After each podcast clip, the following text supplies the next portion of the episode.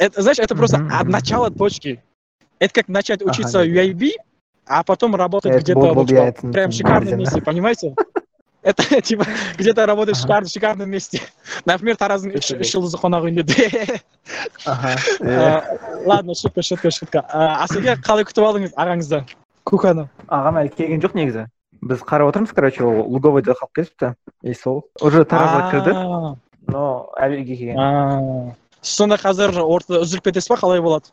Или үзілмейсіз ба үзілмей мен, айттым оларға типа бір сағаттай бос болмаймын деген сияқты. Не, мешайте мне деп иә. Аха кеттік бастайық онда. Барлықтарыңызға қайырлы күн сіздермен бірге апф алматы күрес сайт федерациясының қолдауымен аристократ подкасты.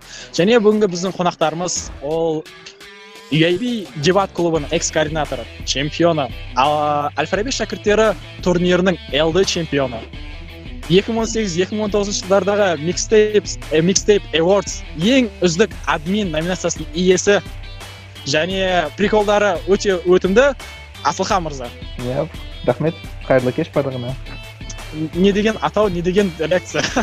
Ал мен дайындалып едім негізі. Олай болса біздің келесі қонағымыз және бұл эксклюзивті қонақтардың бірі ә, орда дебат клубының аға буыны бітірушісі және қазіргі таңдағы астана пікірсайыс ассоциациясының координаторы нұртас мырза. Қайырлы кеш барлығына шақырғандарыңыз үшін үлкен алғыс.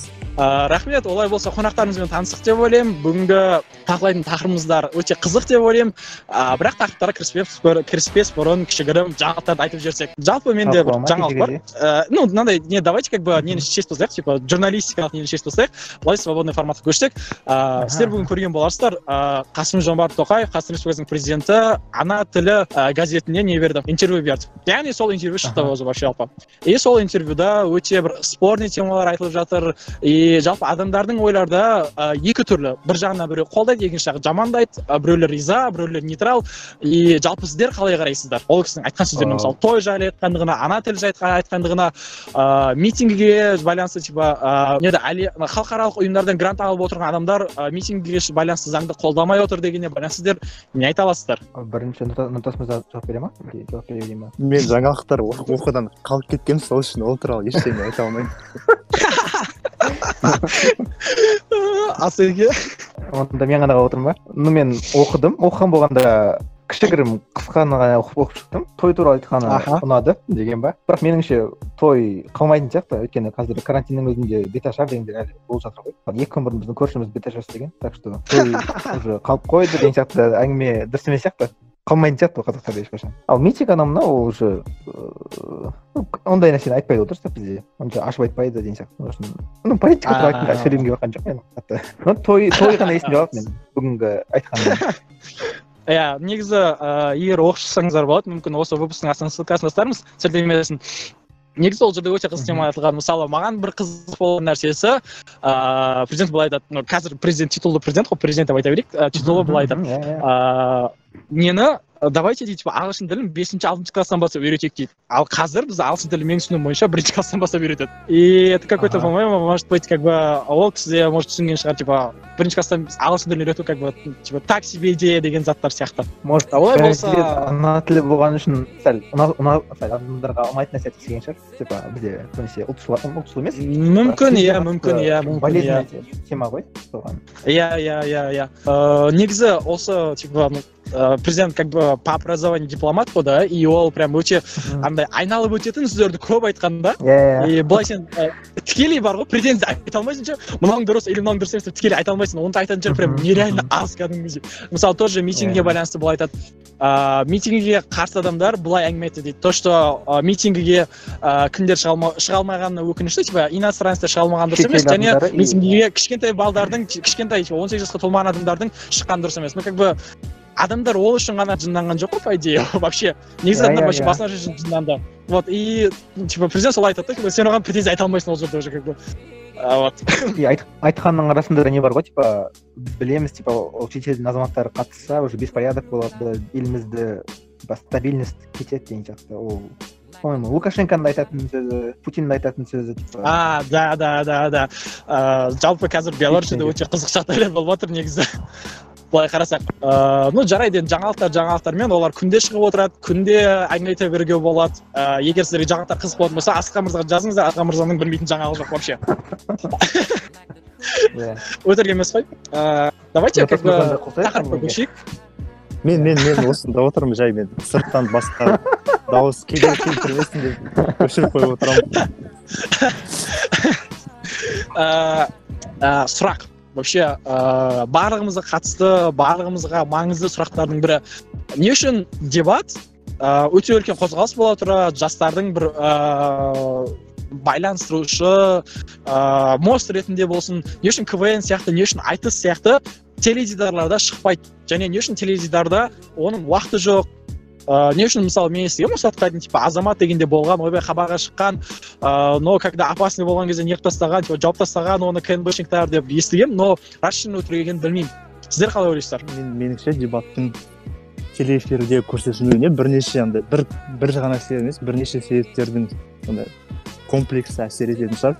Мысалы бірінші жай ғана пікірсайысшылардың адамдарға ә, адамдармен байланысы болмауы мүмкін иә. Онда эфирдегі адамдармен байланысы оларға уақыт тауып бере алатын олардың шарттарына көнетін адам болмауы мүмкін. Иә немесе эфирлердің өздері дебатерларға уақыт беруге дайын болмауы мүмкін иә. Екіншісі меніңше адамдардың өзінде ынта жоқ иә. Мысалы бірнеше рет бізде астанада турнирлер болды. Төрт жыл бұрын бір рухани бір бәле бір бәле деген а үшінші ин- индустриализация ма сондай бір нәрсе болды. Әйтеуір иә иә. жас, жа- жастар алаңы болды бірақ онда. Ютубта оны көретін адамдар тек қана қатысушылардың достары туысқандары туысқандардың таныстары сонымен шектеліп қалады да. Иә иә. Адамдардың андай қалай адамдардың мәдениетті ұрысып отқанын естуге ынтасы болмауы мүмкін. Немесе соңғысы ол жаңағы пікірсайыс дегенде адамдардың өзіне көп көбіне билікті жамандау елестейді ғой. Яғни биліктің нашар жерлерін айтады қанағаттанбайды бла бла бла. Сол үшін меніңше эфирдегі адамдардың өздері оған андай өз өздерінің басына бәле тілегісі келмейді да олай тек қана кейін біз андай жамандайтын болса билікті біз бәлеге қаламыз құрсын деп солай сол үшін олар оларға андай эфирге уақыт беруге ынталы болмауы мүмкін. Менің ойымша білмеймін. Басқа себептер де бар шығар. Асеке сіз қалай менің ойлайсыз ойымша ыыы ол телевидение ол не ғой коммерция ғой. Мысалы мен телевидением болса иә. мен частный телека- телеканалым бар. И мен телеканал арқылы табыс тапқым келеді? Мен ол жаққа адамдарға қызық нәрсе көр- көрсетемін да и соның арасында рекламаттық жіберіп адамдар ну ақша табамын деген сияқты. А мен телевидениеге қалай бір екі сағат бір сағат уақытымды аламын да болмайтын ешкім көрмейтін ешкімнің арасында қызық емес таныс емес студенттердің арасындағы бір пікірсайыс қойып қоямын. Оны ешкім көрмейді да? Маған табыс та келмейді ол. Біріншіден меніңше ол телеканалдар оған ы, қызық емес телеканалдарға. Өйткені қаншалықты үлкен движение болған өзінде ол ыыы адамдарды қызықтыра алу керек қой телевидение алдына соны басқа сериал көрмей новости көрмей басқа нәрсе көрмей сол каналға қойып адам пікірсайыс көру керек та а менің ойымша біздің қазір пікірсайысымыз ол ы, адамдар сериалды қойып пікірсайыс көретіндей дәрежеде емес деп ойлаймын екіншіден елдегі цензура деп ойлаймын и сол цензура екеуі де үлкен себеп сияқты может тағы басқа себептер бар шығар шығар емес точно бар ғой но бірақ менің ойымша осы екеуі басты осы жерге менде бір қосып кететін ой пайда болып жатыр ыыы сіз айтқан коммерция анау мынау дегенге байланысты мысалы ол проблеманы айналып өтуге болады ғой да? Мысалы идея бар типа фонд сороса деген сияқты әлемдік қорлар бар ғой. И олар меценаттықпен айналысады олар тікелей мемлекеттегі типа плюрализм типа демократиялық құндылықтардың дамуына тікелей әсер етуге ыыы ну, типа мүдделі. Вот ыыы мен естуім бойынша ыыы идея бізге келген басында но то что оларға ыыы неғылуым типа бізге прям жестко цензуралар болғаннан кейін олар қырғызстанға кетті. Сондықтан қазір орта азиядағы бірлестік адаспасам қырғызстанда соның себебінен. Типа бізде именно цензураның жесткилығы типа даже меценаттарда көмектесе алмайтын сияқты коммерция жағынан. Ал то что цензура типа неге байланысты? Да по моему как бы конечно бізде қызық типа адамдарға дебат қызық емес шығар. Мүмкін біздің деңгейіміз жетпейтін шығар адамдарға қызық болатындай. Бірақ егер мысалы жастар алаңы сияқты заттар реально көп болатын болса и олар реально качественно жасалатын болса по моему адамдарға қызық болады но есть же один но как бы а, атырауда адаспасам дебат болды и сол жерде көрген адамдардың айтуы бойынша мынандай сен басында сөйлеп келе жатасың и сәл бір қайталанып қалдың ба или не то ұнамай қалды ма онда саған продюсер тоқта дейді да сен басқадан басқадан бастауың керек а прикол в том что дебаттың самый қызығушылығы сен үзбей басынан соңына дейін сөйлеу ғой. Ал телевидение форматында бір жағынан может быть келмейтін шығар шынымен де. Вот. И бізде адамдарда идея нәрсе жоқ қой. Мен айта берейін иә бітіре салайын дегенде иә Е, бізде мысалы ыыы президент сайлауы болады или парламент сайлауы болады. Сол кезде телевизордан қайта қайта көріп жүрсек мысалы парламенттегі там парламент емес иә. президент сайлауына қатысқан кандидаттармен дебатқа шығып солай пікірсайыс болып жатса біз оны көреміз да көзімізге үйренеді пікірсайыс деген нәрсенің бар екендігін пікірсайыс там қажет екендігін көреміз. А бізде ондай нәрсе вообще жоқ телевизорда. Мысалы үлкен өмірде парламентте нормально серьезный нәрселер талқылайтын ештеңе жоқ. Сол үшін біз болмайтын студенттер арасындағы әңгімені тем более тыңдағымыз келмейді деп ойлаймын. Ммм, мүмкін ол да бар иә ну типа мысалы мынандай типа халық білмейді не үшін керектігін и Иә, вообще иә. откуда вы вышли зачем вы надо Иә. зачем я должен Аха, смотреть аха. на это вот Иә. да да да Ага, деп па да это по моему тоже идея типа довольно интересная вот дальше а, дальше оны қалай типа жалғастыру осы теманың жалғасында а, мысалы мынандай ғой типа қазір бізде кім телевидение шыға алмаса мысалы типа алдын ә, давайте поперечный мысалын алайық типа алдын ә, комиктардың барлығы реально типа комеди клабқа бару керек телевидениеға шығу керек сосын барып өздері атақтар жинайды анау мынау деген сияқты. Но ә, поперечный деген адам бар и ол ә, бүкіл өзінің типа комиктік ә, карьерасын тупо өзінің каналының айналасында ұйымдастырды. Ютуб каналдар яғни ютубтың барлығы ол көп шекараларды бұзып жатыр. Ә, традиционный шекараларды ә, мемлекет қойып жатқан. И не үшін дебат сол шекараларды бұзбасқа? Қалай қарайсыздар? Керемет негізі. Оған ешқандай қарсылығым жоқ. Бірақ меніңше неге қазір дебаттың өзі ютуб немесе басқа әлеуметтік желілерде аз таралған десем біріншіден адамдардың бастамашылдығы болмауы мүмкін. Себебі мен осы кезге дейін микстейпте болсын немесе басқа платформада болсын адамдардың кеттік мынандай нәрсе жасайық мындай ютубқа шығайық адамдарға үйретейік көрсетейік дегенді көрмегенмін ол тек қана топ топшырақты ғана білемін олар жаңалық түсіріп яғни жаңа адамдарға просвещение жасау жасайтын жасайды дейін ба? Бірақ ә, Иә. білмеймін меніңше меніңше бастамашылдық бол- болмаған секілді адамдардың міне осындай нәрсе жасайық. Немесе бастамашылдық болса да кейбір жағдайларда тұрақтылық жетіспеген шығар яғни ұзақ оны ұзақ бойы уақыт бойы шығару деген сияқты. Онымен қоса бізде қазақ тілі аудиторияның өзі өте не ғой андай өте аз және особенно ондай ютуб деген жерлерде сол үшін со- сол, сол да мәселе шығар. Қазақ тілді аудиторияның аз таралуы дейін ба?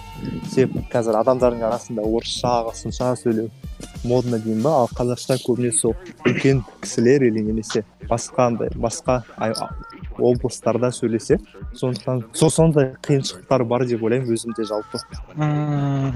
Түсінікті түсінікті. Менде ешқандай идея жоқ десем а по моему үш Мен теңге осы идея кедергі емес қосып сияқты шығуға аха ну типа не үшін шығармайды просто шығармайсыңдар и все да как бы. Егер шығарсаң да нормальный болады солай ма сіздің айтқыңыз келеді солай сияқты вроде.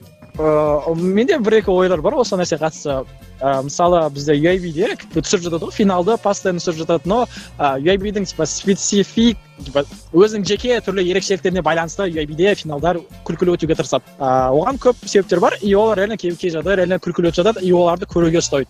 Ал басқа клубтар барлығы оны басқа клубтар олар постоянно олай жасамайды менің ойымша былай істеу керек сияқты как идея ретінде жалпы да.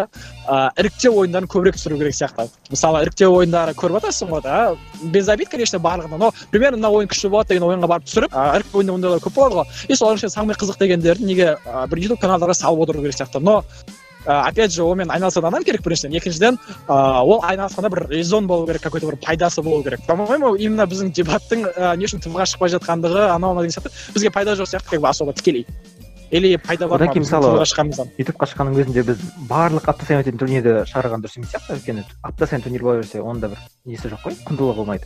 Сол үшін бір республика бойынша бір екі үш турнир істеу керек сияқты. Сол екі үш- турнирді ғана ютубқа салып кез келген ауылдағы бір ішінде екі аудан жиналып турнир өткізсе оның бәрін сала берсек тақылды емес қой. Деп ой ойлаймын. мысалы апта сайын ютубқа бір каналға ана видео түсе берсе да әр воскресенье күні әртүрлі турнир, турнирдің видеолары түседі слишком көп болып кетеді и мен қайсысын көріп білмеймін да ешқайсысын көрмеймін ешқайсысын көрмей басыламын деген сияқты болып қалатын шығар бірақ бәлкім таңдау көп болса онда адамдар қайсысын таңдаймын деп өздері арасынан бір бірін іздеп көре алады қай тақырыбы жүрегіне жағады қайсысын қызық деп или ойлайды или иә бір жағынан бір жағынан әр клуб өзінің турнирін сөйтіп ютубқа сала берсе адамдар мысалы көбірек кездестірсе ютубта может қызығып наоборот көбірек көріп кететін шығар иә ондай да болуы мүмкін ғой Ммм, возможно иә бір жағынан иә иә бірақ мен негізі егер біз оны. Егер пікірсайыс ютубқа шығатын болса ол ешқандай пайда бермейді дегенмен негізі келіспеймін. Себебі жай ғана адамдар пікірсайыстың не екенін білетін болса бірінші ол пікірсайыс қоғамы қауымдастығы өзі басқа адамдармен еркін андай андай спонсорлыққа немесе басқа шараларға андай байланыс орната алады деп есептеймін да яғни қазір мысалы сені ешкім танымайды сол үшін сенімен ешкім жұмыс жасауға саған саған спонсор болуға дайын болмау. Ал бірақ егер былай ютубқа шығып кем дегенде танып былай қам, не екенін өзі андай білетін болса онда бәлкім бәлкім бір дайын, дайын болуы мүмкін басқа компаниялар тарапынан. Бірақ екінші одан да бастапқысы ол көбірек адамдардың тануына мүмкіншілік беретін сияқты. Особенно жаңа қазақ тілді аудиторияға себебі мен бағанағы дебат ең андай үлкен қауымдастық деп айтып қалды ғой. Мен негізі онымен келіспеймін. Иә. Дебаттың үлкен қазақстанда дебаттың үлкен андай движениесі бар екені меніңше ол өте әлсіз. Себебі білмеймін әрбір универде максимум бір бір процент қана шығар студенттердің дебатқа баратыны екі процент иә. Көп бол- болса да. Сол үшін мен оны аса қатты былай ауқымды қоғам қоғам ретінде көрмеймін бірақ егер бізді білетін болса міне хотя бы мынандай әртүрлі ойындарды көретін болса бәлкім адамдар танып дебатқа қызығып қосылғысы келеді дебатта көбірек адамдар болады деген сияқты. Мысалы нұртас мырза қараңызшы как бы типа сіз қазір координаторсыз ғой да апаның да. Ә, апаның координатор ретінде сіз осы нәрсемен айналысатын ба едіңіз? А, видеолар түсіріп оларды шығаруға ма? иә мысалы сіз осы айналысатын мысалы допустим ыыы смотрите мысалы сұрақ қалай қоюға болады? Мысалы бізде пікірсайыс орталықтары бар да кішігірім. Типа алматы астана типа ақтөбе типа тараз шымкент деген сияқты да. И по моему мысалы сіз бір орталықтың басшысы ретінде вы заинтересованы в том чтобы сіздің дебатыңызды адамдар көргендігін және сіздің ә, бп форматыңыз басқа форматтарды жеңіп шыққандығын ну типа вы заинтересованы в этом по моему да? Это типа логично былай қарасақ. Иә и сіз сонымен айналысатын ба едіңіз? Именно осы заттармен? Это первый вопрос. Или екіншісі или сіз басқа заттармен айналысып жүрсіз ба қазір? Вот. Негізі мен ә, екі түрлі жауап бере аламын. Біріншісі біз қазір осы еркебұлан менің алдымда еркебұлан болды ғой координатор. Еркебұлан координатор Иә. болған кезде біз әртүрлі ойындарды түсіріп соны шығарып тұратынбыз да. Бірақ оның басты себебі оны пікірсайысшылардан тыс адамдарға дебаттың не екенін көрсету емес. Себебі біз оны тек қана ине қазақстан немесе апаның группасында жариялайтынбыз да. Ә, иә иә. оның басты мақсаты жай ғана ә, көп ойындар мысалы алматыда ол белгілі ғой көп адамдар финалға дейін қалады андай прям үлкен қауымдастық ретінде ә, тіршілік етсе бізде көбіне ондай емес. Енді жасырудың не қажеті бар. Көп адамдар мысалы ұтылып қалса үйіне қайтып кетеді. Сол себепті андай финалдық ойындарға ә, ойындарды көп көре бермейді да бірақ менің өзім ойым финалдық Мм. ойындар шынымен де пайдалы болуы мүмкін. Әртүрлі жаңа ойлар жаңа аргументтер айтатын болсақ сол себепті біз көбіне сондай раундтарды түсіріп адамдарға шығарып үйрету мақсатында шығаратынбыз. Бірақ мен ә, егер сұрақ осындай бпф видеоларды жаңа мектеп оқушыларын тарату тарту үшін түсірумен айналысасың ба десе мен жоқ деп жауап беретін едім. Себебі менің ойымша біздің бпф формат ол адамдарды қызықтыруға қатты арналмаған. себебі бір сағат бойы біреу видео көріп отыра берсе андай көп мектеп оқушылары енді оны түсіне де бермейді ғой. біздің ауыр тақырыптарды немесе басқаша тақырыптарды адамдар түсіне бермеуі мүмкін. сол үшін мен онымен айналыспайтын едім мен онымен тек қана осы студенттер дебатерлар үшін қажет болса ғана айналысатын едім. әлі де айналысу ойда бар. онлайн турнирлер болса біз раундтарды ә, стримить етіп ә, ютубқа шығарып немесе жазып алып кейін турнирлер парақшасына шығарып басқалар көре алу үшін осы мақсатта ғана шығарамын.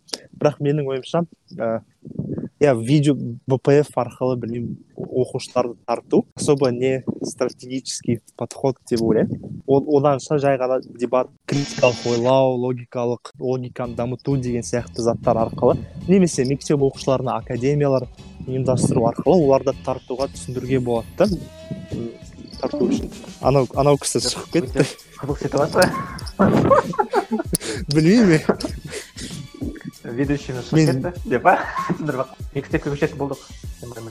Негізі мына жерлер Айта беріңіз, алып тастайды ғой иә кейін. Я по идее қала берсін а то слишком ресми болып кетті типа себебі деген сияқты микстейп болса да адамдарды бөле алмаймын сөйлеп жатқан кезінде мен де бөле алмаймын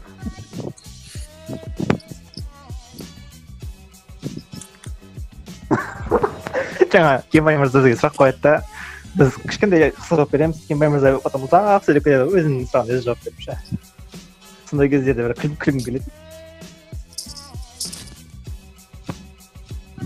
а бірінші выпускта асхат мырза еді асхат мырзаны онша естіген жоқпыз ғой. Басында естідік ортасында естідік и соңында естідік ал мына жерде хит болып жатқан кенбай мырза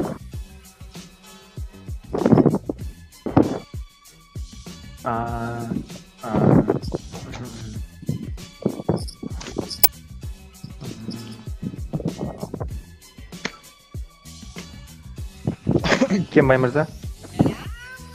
Кешірім өтінемін сіздер жалғастыра берсеңіздер болады негізі просто мен звондап қалды сол үшін жауап беруге тура келді. А, сіз нені айттыңыз ба бағанағы типа мен ау типа сіздің қазіргі айналысып жатқан заттарыңыз жайлы? А жоқ енді айта, айтайын ба? Жалпы қазір екі затпен айналысып жатыр. Қысқаша айтатын болсақ біріншісі ол жас буындарға көбірек платформа создауға тырысып жатырмыз. Себебі солар ғана қазір енді дебатта қалады. Осы бір екі жылдың ішінде. Екінші қазір ә, көп осы коронавирустың жағдайын ескеретін болсақ көп оқу ә, орындары онлайн оқуға көшіп жатыр. Сол үшін келесі жылы жаңа жас буындарды жинау қиынға соғуы мүмкін. Сол үшін біз қазір осы ападағы медиа тиммен дебатты қалай қоғамға жақсы жағынан көрсетуге тырысып адамдарды тартуға болады. Сол жағын ойластырып жатырмыз және со, сонымен осы екі айда жұмыс жасайын деп жатырмыз. Жалпы осы заттар. Түсінікті рахмет. Жауабыңызға ыыы асаға мырзаның алып қаса алып қосарым жоқ деуіне байланысты келесі тақырыпқа көше берсек. Дұрыс па асаға мырза? Өте дұрыс. Әзіл ғой асеке. А былай енді ыыы жалпы негізі маған асылхан мырзаға жалпы ыыы ну вообще как бы жақын тема. Ол микстейп жайлы. Неге? Потому что мен де асылхан мырза да админ асылхан мырза вообще админдіктің топы. Ыыы ойбай сұрақ. Ыыы қалай қарайсыздар? Қазіргі микстейптің жағдайы сіздер үшін қалай көрінеді? Типа сіздер мысалы бұрынғымен салыстырып айтсаңыздар или көңіліңіз толмайтын заттар бар ма? Не үшін мысалы қазір карантинде типа микстейп өшіп қалды вообще? Ну то есть в прямом смысле өшіп қалды. Ыыы болашақта да солай берген дұрыс па? Әлде микстейп уже немесе монополист емес па? Типа дебат қоғам біріктіруші ретінде? А меніңше микстейп өзінің уақытында прям күшті бастама болған өйткені ол кезінде біздің аға буындарымыз айтуы бойынша ыыы турнир ұйымдастыратын кезінде қатысушыларды хабарласу арқылы звондап типа келісейін на күні деген сияқты. и осы типа цифр цифрландыру арқылы пікірсайысты көптеген аймақтарды біріктіріп осы бір платформаға и осылай оң жеңілдеткен короче турнир өткізуді дебатты вообще ы, расымен де жақсы прям күшті платформа. Ал коронавирус кезіндегі өшіп қалғандығы меніңше ол коронавирусқа дейін өшіп қалды. Жаңа жылдан кейін сразу ешқандай нормальный нәрсе болған жоқ. Оның себебін білмеймін. Ну себебін біл- білмейтін болғанда ыыы адамдар қызықтыратын ештеңе жоқ. Ыыы ол мысалы мен жаңа жылға дейін де жаңалықтар жазып жүрдім. Ол, ол кездің өзінде күнде бір екі жүз үш жүз адам оқитын хотя мен ыыы басында бір екі жыл бұрын ыыы жаңалық жа- жазып бастаған кезінде оны күніне мың адам оқиды. Ол по моему Вау. екінші жағынан бір ыыы вконтактенің вконтакте же- желісінің может ыыы популярность азаюы шығар деген да А, ой бар. Өйткені көп адам қолданбайды ғой иә А так негізі иә. он мың он мыңнан астам ыыы дебатерді біріктіріп отырған микстейп меніңше қазірдің өзінде қолға алса нормально бір ұзақ жаққа дейін баратын платформа деп ойлаймын аса кезде айтасыз ғой типа күніне екі жүз адам оқиды мың адам оқиды. Осы негізі ыыы болезненный тема осы типа негізі вообще контент жасаушы адамдарға да. Мысалы ыыы сен тақырыпты ойлап табасың да ол тақырып осы уақытқа дейін адамдар білмеген болу керек немесе өте аз адамдар білу керек. Оны жазасың шығарасың как бы тексертесің адамдарға талай. Оған прям біраз уақыт кетеді. И саған адамдар бір екі жүз үш жүз адам көреді лайкты бір он шақты адам басады. И егер если повезет тебе екі жүз адам комментарий жазады. И ары қарай как Иә, бы чисто сенің да адам ретінде вообще желаниең жоқ ары қарай жазуға или бір нәрсе шығаруға. Иә өйткені микстейптің админдері барлығын тек қана өзінің ішкі желаниясымен істейді да? Оған ешкім ақша Иә, төлемейді иә. немесе популярность сыйламайды оған. Сол үшін хотя бы сол просмотр болу керек лайк болу керек хотя бы. И ол нәрсе болғаннан кейін по моему ешқайсы ыыы админ жұмыс істегісі келмейді. А қазір микстейпте тек қана ыыы бір админ админ ханымыз бір хадис. Ы, бір Иә. хадис иә айдар жүргізіп жатыр. Ал қалған барлығы қалған осы бір хадис айдарында менің білуім бойынша біраз пікірсайыс сұрақ бар кәдімгідей. То есть как бы почему это почему как деген сияқты. Прям көп адамдарда сұрақ бар конечно. Но по моему егер оны талқылап қоссақ біз уже кішігірім заң бұзатын сияқтымыз. Иә. Еще слишком көп талқылап кететін сияқты адамдар иә иә емес біз- тема ғой по идее. Да тем более сізбен мен вообще. Иә. Нұртас мырза сіздерде апа ыыы қазірге дейін актуалды ма? Әлде ол да как бы микстейп сияқты? Ну типа мысалы бізде қалай менде қалай түсінік бар жеке микстейп? Это конечно бүкіл ыыы қазақстандық но скорее всего типа астанада несі аз. Типа акция дейді ғой типа сонысы аз вообще. Ыыы астанада скорее всего апаның өзінің группасы более мощныйрақ себебі апаның нелері шықпайды. Типа ыыы клубтары аз репост жинайды чем алматының клубтарына қарағанда может реально аз дейсіздер. Ыыы сіз қалай қарайсыз жалпы осы затқа Э, білмеймін негізінен бізде бізде де қазір мен, мен координатор болғаннан бастап апада ешкім ешнәрсе жазбайды. Бәрі андай тыныш ешқандай хайп жоқ ешқандай қызық жоқ. Сол үшін адамдар апада көп нәрсе жасамайды мысалы білмеймін мемчиктар жоқ ештеңе жоқ деген сияқты да. Сол үшін ол бізде де ак- актуально деп айтайын ба. Бізде де актуально бірақ біз бұрын бұрын шығарып тұратынбыз тоже андай әртүрлі жаңалықтар жаңалықтар дегенде біз көбіне негізінен аудармалар мен ютубтағы видеолардың аудармасын жазып салып тұратынбыз. Бірақ оны да бізде адамдар Иә, иә. көбісі көбісі көрмегеннен кейін оны мен де жасауға жүргізуге бақылауға ешқандай желание қалмайды сол үшін ол өшіп қала береді. Адамның мотивациясы тәуелді болып қалады одан кейін тағы айтатын нәрсе меніңше микстепте біз кезінде анау приколдар айтады жаңағы мемдар салады сондай бір саясат туралы приколдар айтады ғой сол кезде адамдар айтады ғой типа ой микстеп несерьезно болып кетті анау мынау дейді и по моему микстепті микстеп ететін сәл адамдардың неформальный сондай әңгімесі. Мемдер шығаруы прикол айтуы саясат туралы сондай нәрселер айтуы ол по моему бұрын сол микстептің адамдар көп кіруіне сондай өзінің септігін тигізетін болған деп ойлаймын. Потом адамдар оған көп айтылды ғой типа ой микстеп несерьезно болып кетті деген сияқты. И сол мемдердің приколдардың азаюының арқасында да по моему микстептің ыыы кірушілер мемы О- наши оқырмандар азайған сияқты. Иә. Сол үшін ондай неформальный нәрселерді запрещать етпеу керек еді мен ойымша кезінде и оның үстіне ақтөбенің, шымкенттің- иә десем. И ақтөбенің шымкенттің астананың сол өзінің ыыы платформалары бар шығар өздерінің между собой сөйлесетін и соның үшін олар өз алдына сол өздерінің группаларында сөйлесе береді ал микстеп былай өз алдына қалып қойды. Этот мемдар демекші биыл по идее ыыы мырза нені бастады да? Типа ночь анонимности деген типа кез келген сұрақтар қоя беруіңе болады и бір бір Иә, күннен кейін типа осы өшіп по идее ол негізі реально қызық тема басталды кәдімгідей бар ғой. Это было реально интересно и прям қызық темалар шығып бастады. Но мне кажется именно сіз айтасыз ғой типа қазір мемдар азайып кетті деген сияқты саясат азайып кетті деген сияқты. Менің ойымша вообще мен мен қалай қараймын да как бы если смотреть мен типа сәл жоғарыдан қарасақ по моему это чисто поколениенің несі сияқты потому что а, вот это поколение қазір аға сәл үлкендер и бізден бір екі жас үлкендер олар ыыы оған дейінгі типа безмұрат аға нұртуған там абылай солардан прям настрадались короче от души. И оларға қазір саясат анау мынау деген темалар вообще неадекватно көрінеді потому что аналардың самый топ болып жүрген кезде олар келіп от души қиналды оларды а олар қазір ондай теманы өздері ұнатпайтын сияқты. То есть чисто это поколениенің проблемасы сияқты бір жағынан. Мысалы әр поколение өзінің приколдары болады ғой. И сол үшін қазіргі поколение админ админдардың қазіргі поколениесі өз, өзінің арасындағы приколдарын да жазуға болады. Жоқ приколдар болмаса сондай нәрсе ну ну просто реально біз қазіргі поколение арасында админдарда прикол жоқ. Бізде знаете менің есімде қалған биыл прям прям прям топовый прикол болды ол не? Ну еще екеуі де бір адамға қатысты е мое ыыы екеуі болды бір екеуі де бір адамға қатысты. Біріншісі этот ыыы біріккен ұлттар деңгейін деңгейіндегі пікірсайысшы біріншісі. Екіншісі бір бір адамның алматыда және шымкенттегі типа ойнау нелері. По моему екеуі де жестко өтті негізі маған. Но екеуі де өшіп кетті каким то образом цензураның арқасында. Кейбір админдардың е типа слишком жақын қарауының арқасында білмеймін қалай болса да ыыы репутационный тағы бір айтатын может может не шығар. Микстептің админдері слишком көп отырып қойды. Ауысу керек поколение. А то біз мен мысалы үш жылдан бері отырмын админ болып микстепте. Енді ол сіз өзіңізге жауап берсеңіз болады Ну, короче, может, жаңа может е, айта беріңіз иә ну келісемін иә бір жағынан иә келісемін сізге. Мысалы нұртас мырза не үшін ыыы сіздер мысалы админді ауыстырасыздар ма? Ал, ападан апаның атынан микстептағы адаспасам еркебұлан Иә. мырза болды бізде.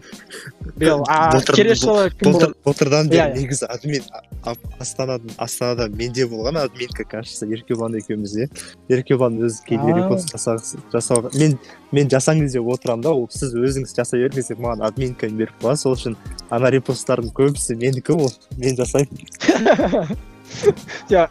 Типа серый кардинал ма? Ешкім білмейтін. Иә иә, ешкім білмейді. А енді сұрақ негізі негізі ауысып иә, иә. отырған шығар. Иә негізі ауысып отырған бұрын бұрын жазира болатын ыыы иә иә жазира ханым бар кезде мен де болдым иә. Одан алдын еркебұлан типа еркебұлан әрпай мырза да болған адаспасам иә иә. Не ғой типа енді сіз алма астананың адамы ретінде тікелей сұрайсыз да типа не үшін ыыы микстепте болсын неде болсын типа бізде түсініспеушіліктер көп. Екі аймақтың арасында хотя бы виртуальный деңгейде. Э, түсіндіріңізші соны? Ой ой мен- өзім білмеймін. Негізі ол мен бірінші курс болғанға дейін де болған ғой қателеспесем иә мен өзім екі мың он алтыда келсем оған дейін де микслейтте не, нелерді оқып отыратынмын мен андай срачтарды бар ғой. Апа жаман Ал- алматы жаман деген сияқты срачтарды оқып отыратынмын білмеймін бірақ қазір меніңше меніңше ол сол аға буындардан қалған заттар шығар. себебі қазір жастардың арасында ондай байқалмайтын секілді бәлкім білмеймін. Біз бір рет алматыда болдық еркебұланмен ондай аса ешқандай қатты байқалмады. Андай ойбай астана ойбай андай андай білмеймін бір жаң- жаңа бір жануарды көрген сияқты сезім ешкімде болған жоқ әйтеуір. Сол үшін ол аға буындардан қалып кеткен зат шығар яғни олар алматының да астананың да аға буындары мен қателеспесем осы соңғы осы осы осы жылы немесе алдыңғы жылы ғана белсенділікпен төмендете бастады ғой. Оған дейін алматының да семейдің де аға буындары там білмеймін ильяс дәулетин деген мырза еді солар бар еді. Бізде астанада көп адамдар бар еді белсенді еді да барлық мағынада. Сол үшін шығар бәлкім. Ә, мен мысалы мынандай ойлар естіп жатырмын да. Адамдар ә, менің аға буындарым болсын басқа адамдар болсын солар ә, астанаға барып ойнағандар ну типа прям осы екі мың он тоғызда барғандар да екі мың жиырмада барған ну екі мың жиырмада ешкім барған екі мың он тоғызда барғандардан сұрасаң олар айтады ә, астанада сен очевидный заттарды түсіндіруің керек то есть как бы сөз еркіндігі деген не и оның не үшін маңызды екенін түсіндіруің керек. Ну мысалы бізде алматыда егер сен ә, дәлелдеу барысында сөз еркіндігі деген затқа жетсең болды сенікі дәлелденді. Ол қаншалықты рас осы сөз. И қаншалықты деңгейде сіздер үшін ол маңызды шынымен де не үшін ондай сіздердің дебаттарыңыз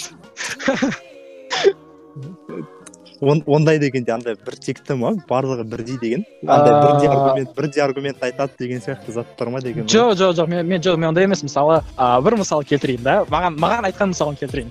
Ә, мысалы мына адам жұмыссыз қалады. И ол жұмыссыз қалғандығын мысалы алматыда сен жұмыссыз қалады десең ә, примерно түсінікті уже типа не үшін оның ары қарай жаман заттар. Но ә, бпр форматта сен не үшін жұмыссыз қалғандығын жаман жаман екенін түсіндіруің керек. А, типа зачем Иә, это иә. вам? Ок ок енді түсіндім иә.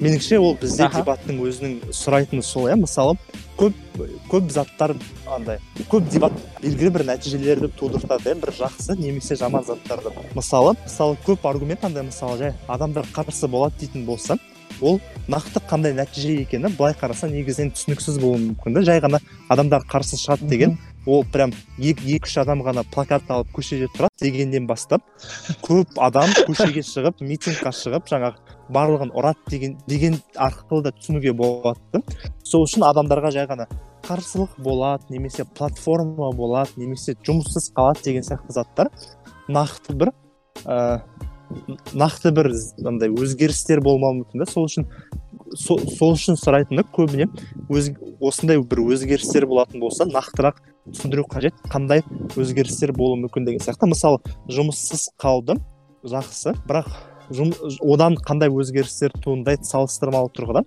Мысалы білмеймін жұмыссыз қалды ә, андай білмеймін бір ә, бір тақырып болса білмеймін ә, жұмыссыз қалды сол үшін андай салдарынан ол төмен жалақыдағы жұмыстарға тұру қажет. жам- жаман немесе жаман өмір сапасы жаманырақ болады деген сияқты білмеймін әйтеуір. Бәлкім сондай анығырақ көрсету қажет шығар деп ойлаймын. Бірақ бұл андай андай да андай қалай айтсам екен жұмысын жоғалтып алу ол өздігінен де бір жеткілікті бір өзгеріс болуы мүмкін бір бір тақырыптарда.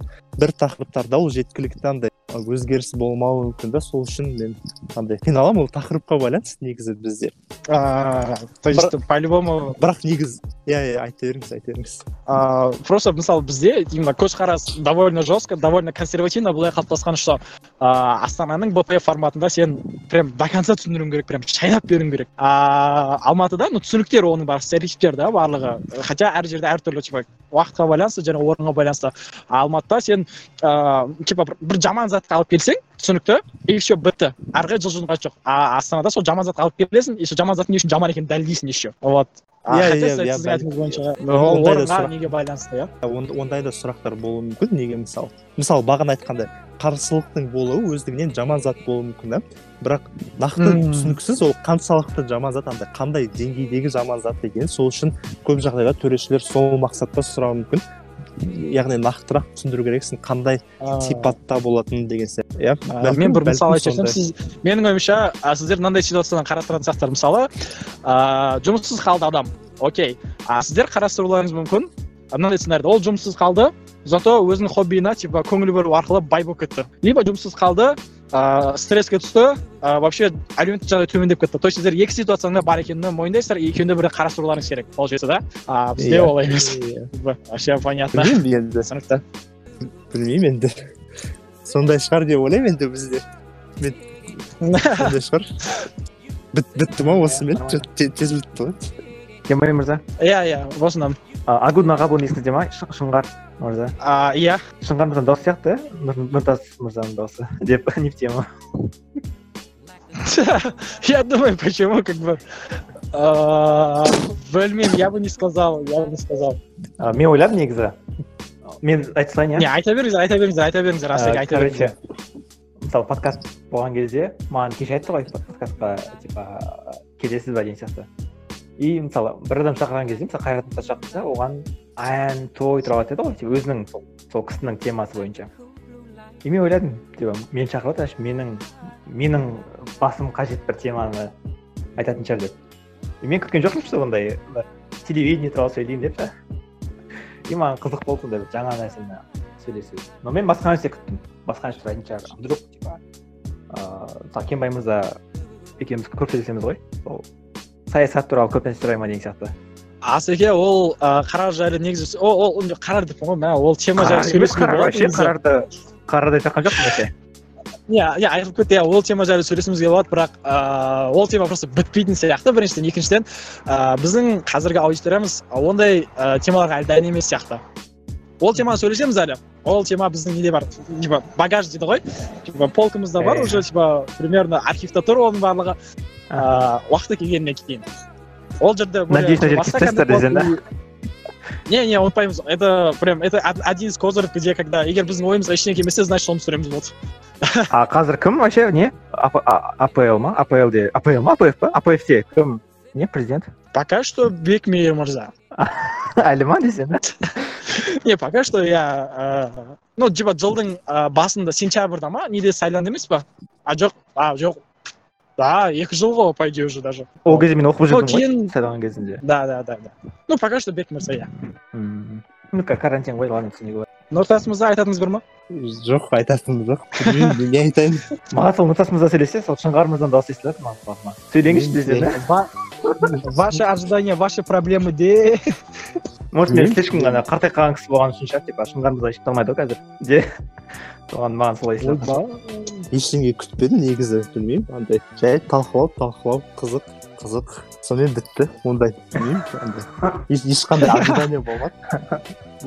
Ол да жақсы ол да жақсы шығар. Менде асылхан мырзадағыдай ожидание реальность болмайды да сонда. Ә, түсінікті. Сұрақ мындай. Сіздер нені қалар едіңіздер чтобы осы подкастта талқылағандығын біріншісі.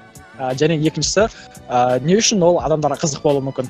Ну типа на вскидку типа бір екі бір екі тема деген сияқты чисто меніңше талқылауға болатын заттар көп. Негізі талқылау талқыланатын заттарды айтатын болсам мысалы ә, осы қазақстандық дебаттың проблемасын айтуға болатын шығар. Яғни тек қана астана алматыдағы адамдарды ғана емес сонымен қоса білмеймін батыстағы оңтүстіктегі адамдарды шақырып әртүрлі дебаттың мәселелерін талқылап яғни бір шешімге келу шешімдерді табу ойларды есту ойлар алмасу деген сияқты заттар.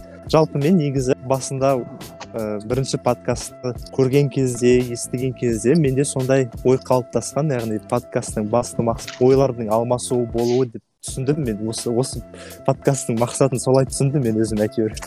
Немесе өзім сондай мақсат шығарып алдым ба? Бәлкім бәлкім сол шығар. Не- неге неге ол адамдарға қызық себебі? Білмеймін әртүрлі ішкі кухняларды айтса там андай қызық жағдайларды айтса адамдарға қызық болатын шығар. Ну онымен қоса жай проблемаларды қалай шешу керек екенін адамдар естуі мүмкін түсінуі мүмкін.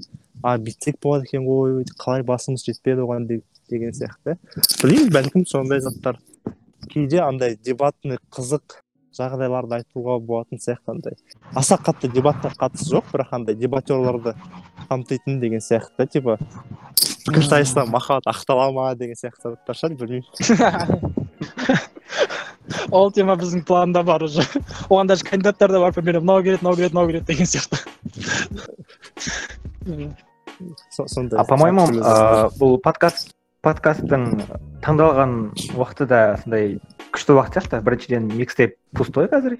Ешкімде барлығының қолы бос микстейп пустой ешқандай контент жоқ. И сіздер осыны шар- сіздер шығарып отырсаңыздар адамдар тыңдаушылар табатын сияқты. Екіншіден қазір карантин турнир ешқандай жоқ. Дебат ыыы ұйықтап жатыр қазір спячкада жатыр.